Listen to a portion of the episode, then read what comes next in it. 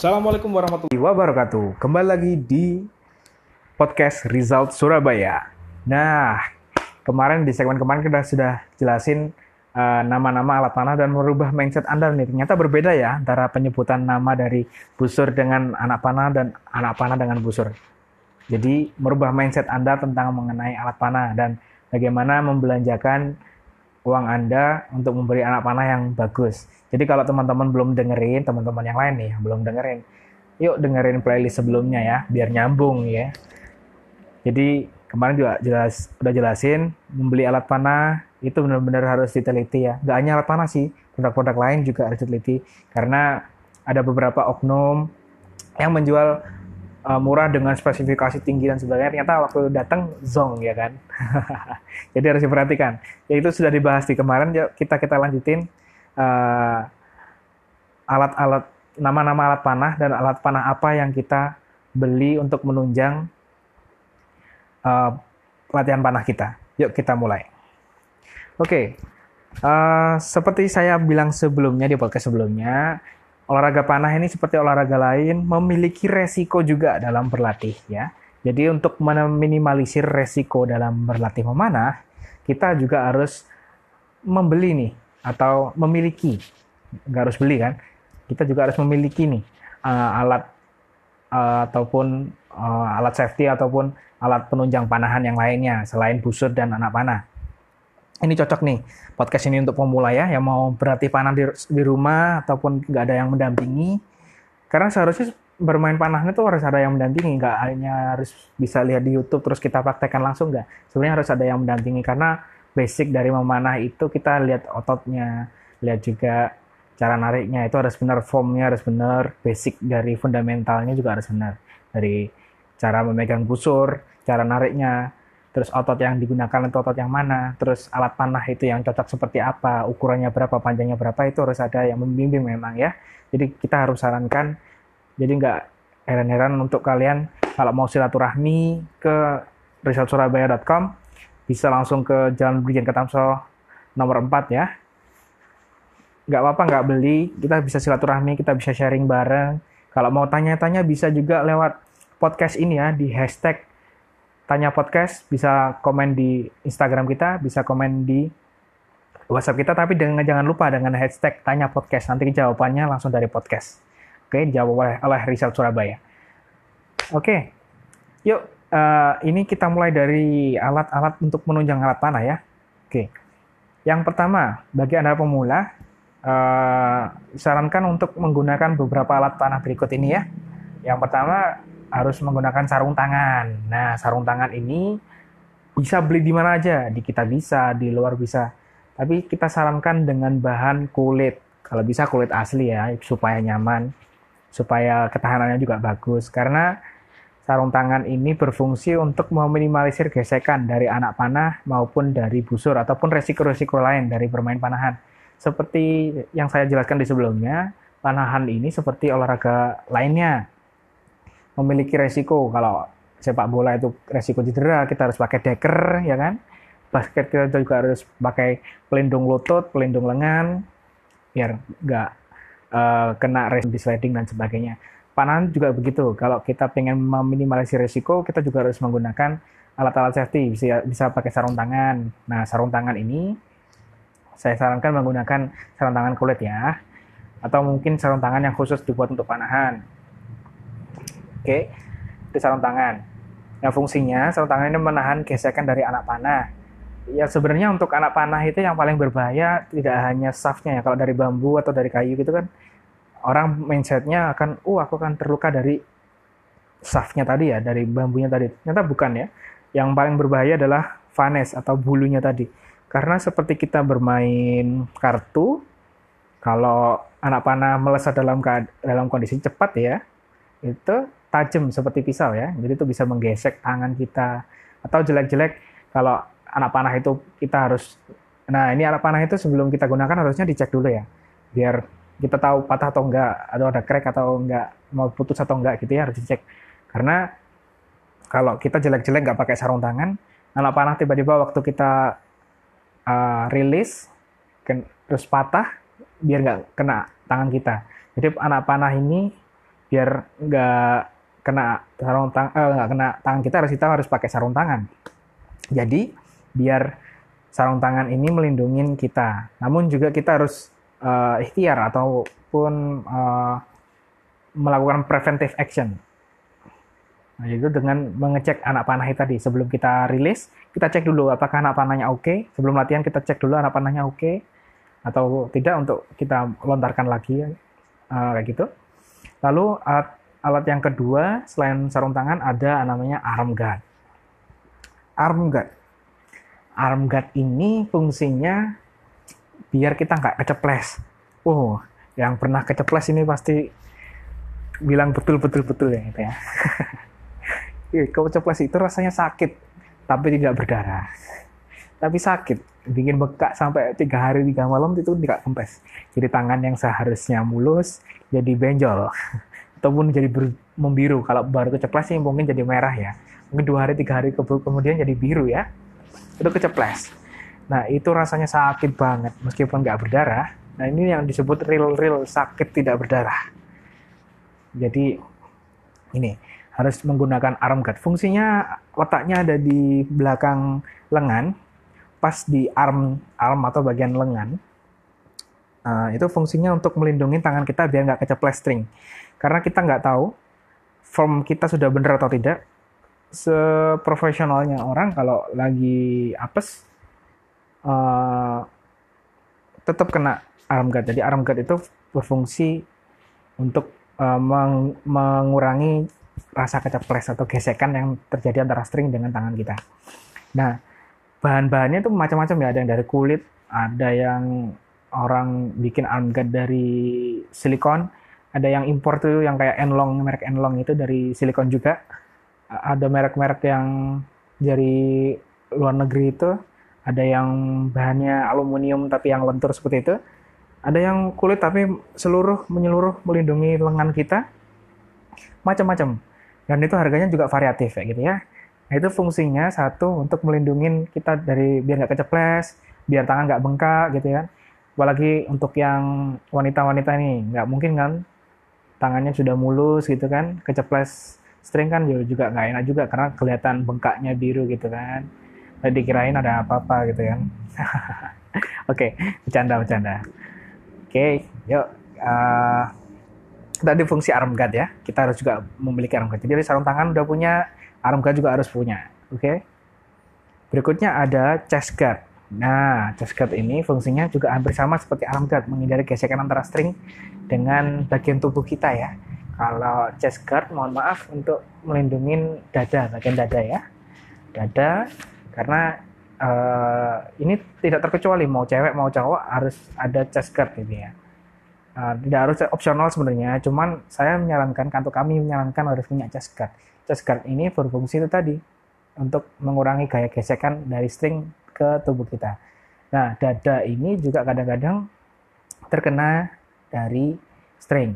Tapi memang ada beberapa orang yang sudah profesional, dia tidak kena ya chest guardnya, apa dadanya kena tidak kena string. Tapi untuk para pemula, saya sarankan untuk memakai chest guard Bila mana tidak ada chest guard, bisa mem bisa memakai uh, quiver yang sudah lengkap dengan chest guardnya gitu ya. Nanti ada untuk melindungi dadanya biar nggak kena gesekan dari string. Oke, tadi udah dapat sarung tangan, barang pertama, uh, barang pertama, barang kedua arm guard, kita ulangi lagi ya. Lalu ada chest guard, barang ketiga, oke. Sarung tangan sudah, arm guard sudah, chest guard sudah. Berikutnya adalah yang bagian uh, tangan sebelah kanan.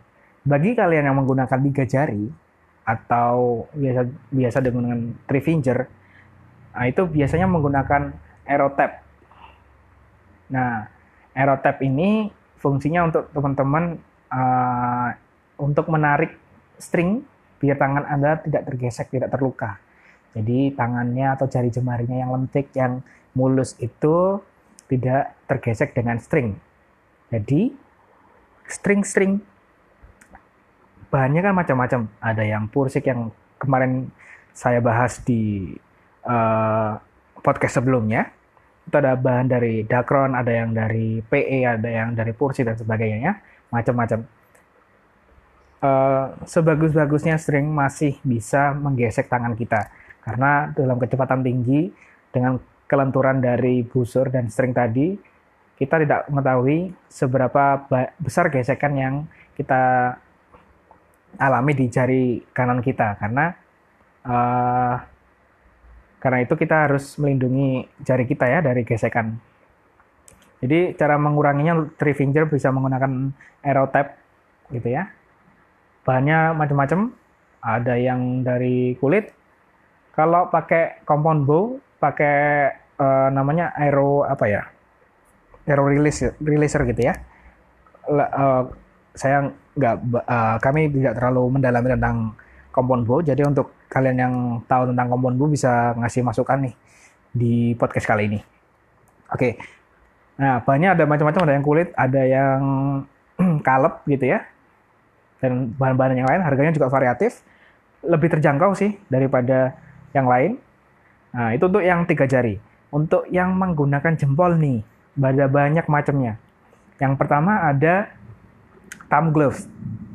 Nah, penarik busur yang menggunakan jempol, pokoknya kan ini busur Horsebow ya. Busur Horsebow ini bisa menggunakan thumb glove yang pertama. Thumb glove itu uh, bahannya uh, dari harfiah, makanya thumb itu jempol, glove itu sarung tangan, jadi sarung tangan jempol. Itu bahannya ada yang dari kaleb, ada yang dari kulit asli, ada yang kulit tebal, ada yang kulit tipis, terus ada yang menggunakan juga namanya tamring atau jem, uh, pelindung jempol tapi yang bentuknya seperti cincin gitu ya. Itu bahan-bahannya ada yang macam-macam juga. Ada yang dari kuningan, ada yang dari resin atau fiber. Ada juga yang dari tanduk kayak gitu ya. Itu juga harganya bervariatif. Kalau yang thumb glove lebih terjangkau karena uh, dia sederhana sekali dari kulit dijahit lalu uh, dia dikaitkan di jempol kita gitu ya. Itu cukup mengurangi gesekan di jempol. Atau menggunakan sarung tangan yang full itu untuk jempol juga juga ada, glove untuk jempol kayak gitu ya. Itu harganya lebih terjangkau. Yang agak mahal nih yang tamring ini. Nah, tamring ini orang-orang kalau pengen murah ini pakai pakai PVC gitu ya. Dibakar terus bentuk sedemikian rupa mirip mirip sama yang buatan pabrik gitu ya. Tapi kalau yang sekarang itu lebih mudah, mud, lebih murah, lebih mudah itu yang ada yang tanduk bahannya, ada yang resin, ada yang kuningan kayak gitu ya. Ini harga, harganya memang agak mahal, tapi uh, teman-teman pemanah ini sudah banyak yang menggunakan tamring ini. Karena selain elegan gitu ya, bentuknya indah sekali kalau kita pakai tamring gitu ya di, di jempol gitu ya. Juga uh, tamring ini juga membantu apa ya? mengurangi tekanan. Kalau thumb glove atau finger tape itu masih ngerasa tekanan dari tali itu masih neken di ini kita, di tangan kita. Tapi kalau dengan thumb ring, uh, dia nekannya ke benda padat tadi ya, ke ringnya tadi, jadi nggak kerasa sakit ya gitu ya. Oke, tadi udah dapat sarung tangan, barang-barang yang harus dibeli, sarung tangan dapat, terus arm guard dapat, guard dapat, lalu ada thumb ring, dan satu barang lagi yang uh, yang harusnya kalian punya sih, itu na namanya uh, quiver. Nah, quiver ini berfungsi untuk menunjang konsentrasi kalian selama berlatih, konsentrasi Anda selama berlatih. Jadi, kalau Anda nggak punya quiver, Anda akan susah membawa anak-anak panah Anda. Aero magazine Anda akan susah. Jadi, kalau dalam panah kita kan harus melatih fokus, dengan quiver tadi kita akan lebih mudah. Nah, quiver ini ada dua jenis, yang di pinggang dan di punggung. Nah, untuk yang di pinggang itu letaknya di pas di pinggang antara di kanan atau di kiri, sebagaimana nyamannya Anda untuk meletakkan anak panah. Jadi anak panah harus menggantung di pinggang ataupun di punggung Anda. Nah, kalau di pinggang ini biasanya untuk yang berkuda lebih enak nih. Karena uh, ngambilnya cepat gitu kan. Nah, untuk yang ada juga yang untuk yang pengen kayak Robin Hood nih anak panahnya bisa taruhin di belakang nah pakai quiver punggung namanya nah quiver punggung ini biasanya lengkap dengan chest guardnya jadi kalau teman-teman ataupun anda mau beli yang satu produk bisa buat yang lain bisa pakai ini apa namanya uh, quiver punggung. Nah quiver punggung ini letaknya di punggung. Jadi kalau mau ngambil anak panah harus ke punggung, tapi agak sulit ya ngambilnya karena tangan harus ditekuk ke belakang dulu kayak gitu ya. Nah quiver ini sangat berfungsi untuk apa menjaga konsentrasinya Anda ya. Jadi kalau nggak punya quiver, Anda harus ngambil anak panah di bawah ataupun di uh, aerotube ya, tabung anak panah gitu ya. Gitu, baru Anda memanah lagi. Nah itu konsentrasinya biasanya akan geser atau buyar kadang-kadang. Karena ke distrak waktu kita mau ngambil anak panah. Nah sedangkan kalau kita pakai quiver, uh, konsentrasinya akan terjaga gitu ya. Sedikit membantu konsentrasi Anda karena Anda tidak perlu jauh-jauh ngambil anak panah ke uh, media lain atau ke tempat lain gitu ya. Karena di uh, di tubuh Anda ter, ter, terikat uh, itu tadi anak panah. Oke. Okay. Uh, mo mohon maaf ini agak lebih panjang lagi daripada sebelumnya karena banyak alat-alat penunjang yang harus dibutuhkan. Untuk para pemula tentunya ya harus memiliki. Lalu uh, untuk uh, penunjang berikutnya tadi sudah sarung tangan, arm guard sudah, chest guard sudah, lalu ada thumb glove sama thumb ring, terus finger tap sudah. Itu salah, harus pilih salah satu ya. Misalnya Anda pengguna tiga jari ya pakai finger tap. Kalau pakai pengguna jempol ya pakai thumb glove atau thumb ring kayak gitu. Jadi nggak harus beli keduanya, jadi harus pilih salah satu antara thumb glove atau uh, finger tap. Nah, nah kalau pengguna jempol harus milih juga salah satu antara thumb ring sama thumb glove. Nanti feelingnya juga berbeda karena panahan itu selain kita melatih konsentrasi juga melatih feeling ya. Terus kita juga ada quiver dia mau pakai yang mana. Kalau udah terbiasa pakai punggung ya punggung terus, kalau pakai pinggang ya pinggang terus. Oke.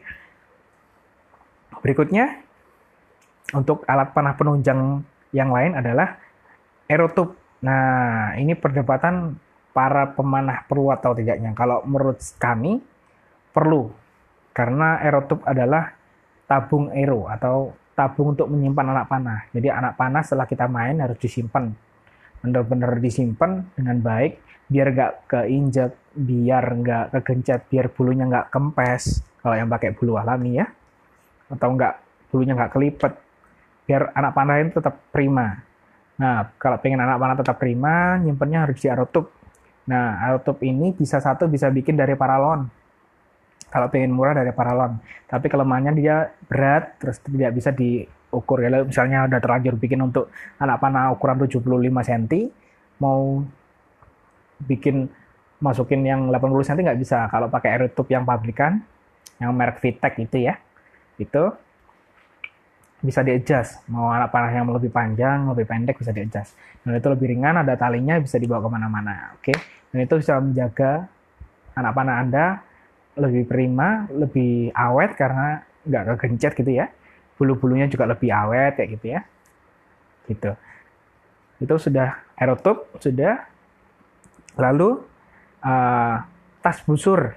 Nah, sama pentingnya seperti aerotub, uh, tas busur ini menjaga busur Anda biar nggak lembab, biar nggak jinak jamur. Tentunya kalau nanti habis latihan harusnya dilapin ya, dibersihin.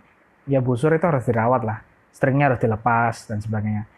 Nah ini banyak orang yang bilang yang beli online nggak dijelasin sama sellernya ini. String harus dilepas ya. Mau busur horseshoe mau busur uh, modern mau busur tradisional kalau bisa string itu dilepas. Jadi biar uh, limnya lebih awet terus uh, busurnya juga lebih awet ya. LBS-nya tetap terjaga stringnya juga lebih awet jadi harus dilepas. Itu sudah uh, sarung busur ini. Kalau pengen gak ribet sama Arauto beli mahal ya beli dua itu mahal. Uh, ada tas tas 3 in 1 jadi tas busur tas anak panah sama quiver itu jadi satu produk gitu. Daripada beli banyak tiga tempat itu bisa menghemat budget panahan anda ya beli tas 3 in 1 ini tas 3 in 1 ini satu tas bisa untuk tiga fungsi tadi ya ada sih di Result Surabaya, tapi kalau mau beli di orang lain juga ada, di toko-toko lain juga ada sih. Cuman saya sarankan kalau pengen, jadi kita sebagai buyer yang cerdas atau sebagai pembeli yang cerdas juga harus bisa meminimalisir budget sebelum kita membeli alat panah ya. Selain kita membeli harus alat panah yang lengkap, yang bagus, tapi juga harus pinter-pinter meminimalisir. Jadi kalau misalnya beli pisah-pisah itu akan lebih mahal. Kalau beli jadi satu paket gitu, misalnya tas 3 in 1 ini, tas yang sudah bisa tiga fungsi ini kan akan budgetnya akan lebih berkurang gitu ya. Terus uh, alat penunjang berikutnya adalah untuk perawatan string itu kita harus juga membeli ini ya, hmm, namanya uh, Aero Wax, eh Aero Wax, String Wax, String Wax. Nah, String Wax ini ada beberapa merek dari uh, pabrikan ya, karena masih harus diproduksi pabrik. Sebenarnya kalau zaman dahulu bisa pakai wax dari lebah itu wax itu ya, dari sarang lebah kayak gitu-gitu. Cuman kalau sekarang sudah kita sudah di era modern sudah dimanjakan dengan Aero Wax, eh String Wax. Nah, string wax ini berfungsi untuk merawat string. Jadi kita sebelum main ataupun setelah main string itu sebenarnya harus dioles sama string wax tadi. Fungsinya untuk menjaga uh, stringnya tetap prima, tetap basah, tetap licin, tetap fleksibel seperti kita pertama beli sampai nanti kita rawat sampai ke depannya. Kayak gitu ya. String wax seperti itu. Nah, itu saja sih peralatan yang harus dibutuhkan sebagai pemula yang harus uh, dibutuhkan sebagai penunjang, sebagai kita pemula sebagai pemanah nggak hanya pemula senior maupun uh, pemula juga sama saja itu untuk menunjang kita memanah nah kalau pengen lebih bagus lagi sih untuk menyimpan alat panah bisa pakai yang tas besar itu ya yang tas yang bisa isi anak panah, isi tas quiver, isi busur, beberapa busur kayak gitu ya. Jadi ada tas yang bisa isi banyak itu untuk kita memulai latihan panah. Jadi alat panah tetap prima, uh, perawatannya itu saja, terus alat safety juga harus dipenuhi karena meminimalisir uh, resiko-resiko panahan itu seperti itu. Jadi alat panah awet, terus kita juga safety juga dengan alat safety hari ini dapat alat-alat safety-nya apa aja, alat-alat untuk memperawet busur kita atau alat panah kita itu itu tadi sudah kita bocorkan. Lalu juga ada uh, ini target panahnya. Kalau ingin manah di rumah sendiri, nanti anda bisa eh, dengarkan podcast selanjutnya mengenai eh, apa itu target panah dan apa saja yang dibutuhkan untuk memulai latihan panah Anda di rumah. Nah, gitu ya. Jadi kalau misalnya Anda nggak punya waktu banyak, Anda bisa memiliki alat atau target panah Anda sendiri, jadi Anda bisa memulai latihan panah di rumah, begitu ya. Jadi, uh, itu nanti akan kita jelaskan di podcast selanjutnya. Untuk saat ini kita sudah dapat tadi ya kesimpulannya. Yang pertama kita sudah dapat uh, alat-alat safety, ada sarung tangan, ada arm guard, ada chest guard, ada juga thumb glove atau finger tap yang pakai tiga jari. Dan untuk alat uh, pengawet dari string, itu pakai string wax tadi, ada string wax, ada tas busur untuk memperawet dari busurnya.